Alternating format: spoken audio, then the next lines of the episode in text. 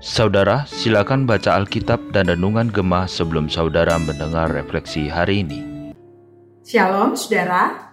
Saudara hari ini kita merenungkan uh, dari Wahyu 2 ayat 1 sampai 7 dipuji dan dicela. Saudara jemaat Efesus ini dipuji oleh Tuhan. Tuhan berkata, "Aku tahu segala pekerjaanmu, baik jeripayahmu maupun ketekunanmu." Aku tahu bahwa engkau tidak dapat sabar terhadap orang-orang jahat, bahwa engkau telah mencobai mereka yang menyebut dirinya rasul tetapi yang sebenarnya tidak demikian, bahwa engkau telah mendapati mereka pendusta, dan engkau tetap sabar dan menderita oleh karena namaku, dan engkau tidak mengenal lelah. Tetapi ini yang ada padamu yaitu engkau membenci segala perbuatan pengikut-pengikut Nikolaus yang juga kubenci. Dan jemaat ini juga dicela oleh Tuhan. Tuhan berkata ayat 4 dan 5, Namun demikian aku mencela engkau, karena engkau telah meninggalkan kasihmu yang semula. Sebab itu ingatlah betapa dalamnya engkau telah jatuh. Bertobatlah dan lakukanlah lagi apa yang semula engkau lakukan. Jika tidak demikian, aku akan datang kepadamu dan aku akan mengambil kaki dianmu dari tempatnya jikalau engkau tidak bertobat. Saudara gereja Efesus ini dipuji atas pekerjaan, perbuatan moralnya, mereka tekun, tidak patah semangat, mereka berjerih payah dan tidak kenal lelah, mereka rajin sekali dan mereka lakukan demi Kristus. Mereka tidak sabar terhadap rasul-rasul palsu. Tetapi saudara, Tuhan mencela jemaat karena tidak ada kasih. Apa yang dilakukannya hanyalah tradisi dan ortodoksi. Mereka bisa jadi, saudara, sering berkata, ah, kurang baca buku itu pengkhotbahnya. Ah, kurang injili ya. Ah, itu mah gak sesuai ajaran Alkitab. Sesat itu. Mungkin saudara kalau di kalangan kami, ya saya, saudara, para hamba Tuhan, mungkin yang sering dipakai adalah kalimat ah, kurang atau tidak God centered itu, tidak Christ centered, kurang gospel centered, humanis, liberal, sesat itu. Saudara, tentu saja ya bukan berarti gereja atau kita ini tidak boleh menilai, tidak boleh mengajar atau tidak boleh belajar mana ajaran benar dan mana ajaran salah dan mana ajaran yang sepertinya benar tapi salah alias aspal, asli tapi palsu. Kita disuruh Tuhan untuk menilai zaman. Yesus berkata di Lukas 12 eh, ayat 56, "Hai orang munafik, rupa bumi dan langit kamu tahu menilainya.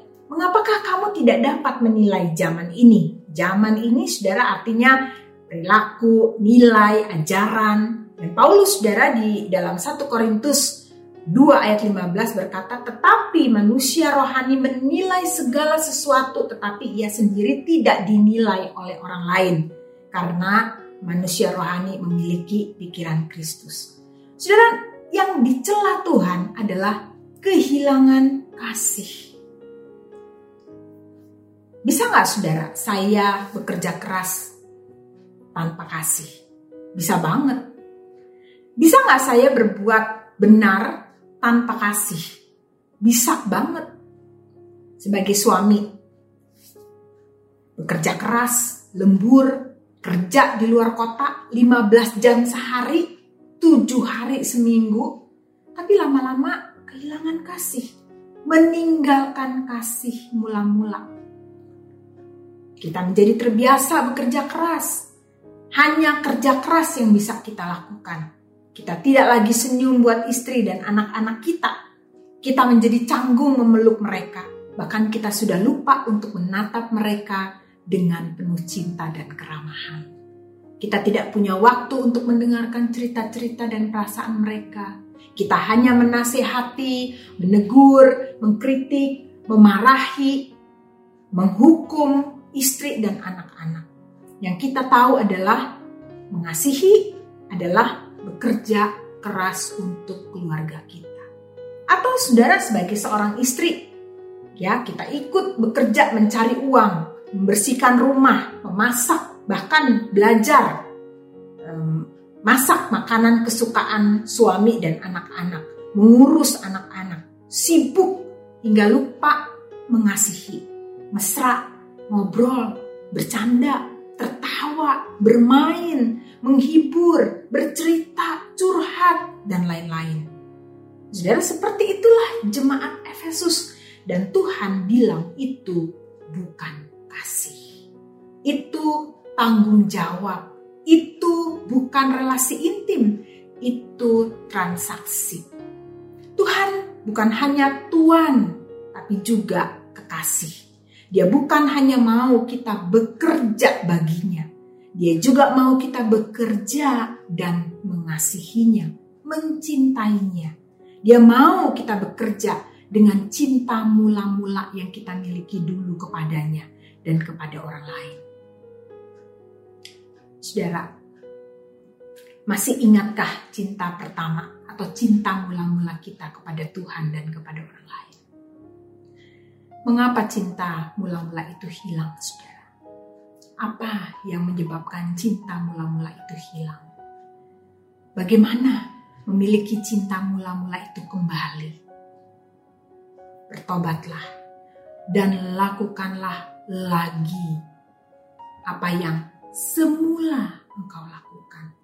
Jika tidak demikian, aku akan datang kepadamu dan aku akan mengambil kaki dianmu dari tempatnya jikalau engkau tidak bertobat. Mari kita berdoa. Tuhan, ampuni kami kalau kami melakukan banyak pekerjaan-pekerjaan yang benar, yang baik, penuh dengan kerja keras, tapi kami kehilangan kasih kami kepada Tuhan dan kepada sesama kami. Kami kehilangan kasih mula-mula itu. Tolong kami Tuhan, kami ingin bertobat. Ampuni kami Tuhan, kalau kami sudah meninggalkan kasih mula-mula kami kepadamu. Berikan kami kasih itu lagi Tuhan. Mampukan kami Bakar kami sekali lagi dengan kasih yang mula-mula itu. Di dalam nama Tuhan Yesus kami berdoa. Amin.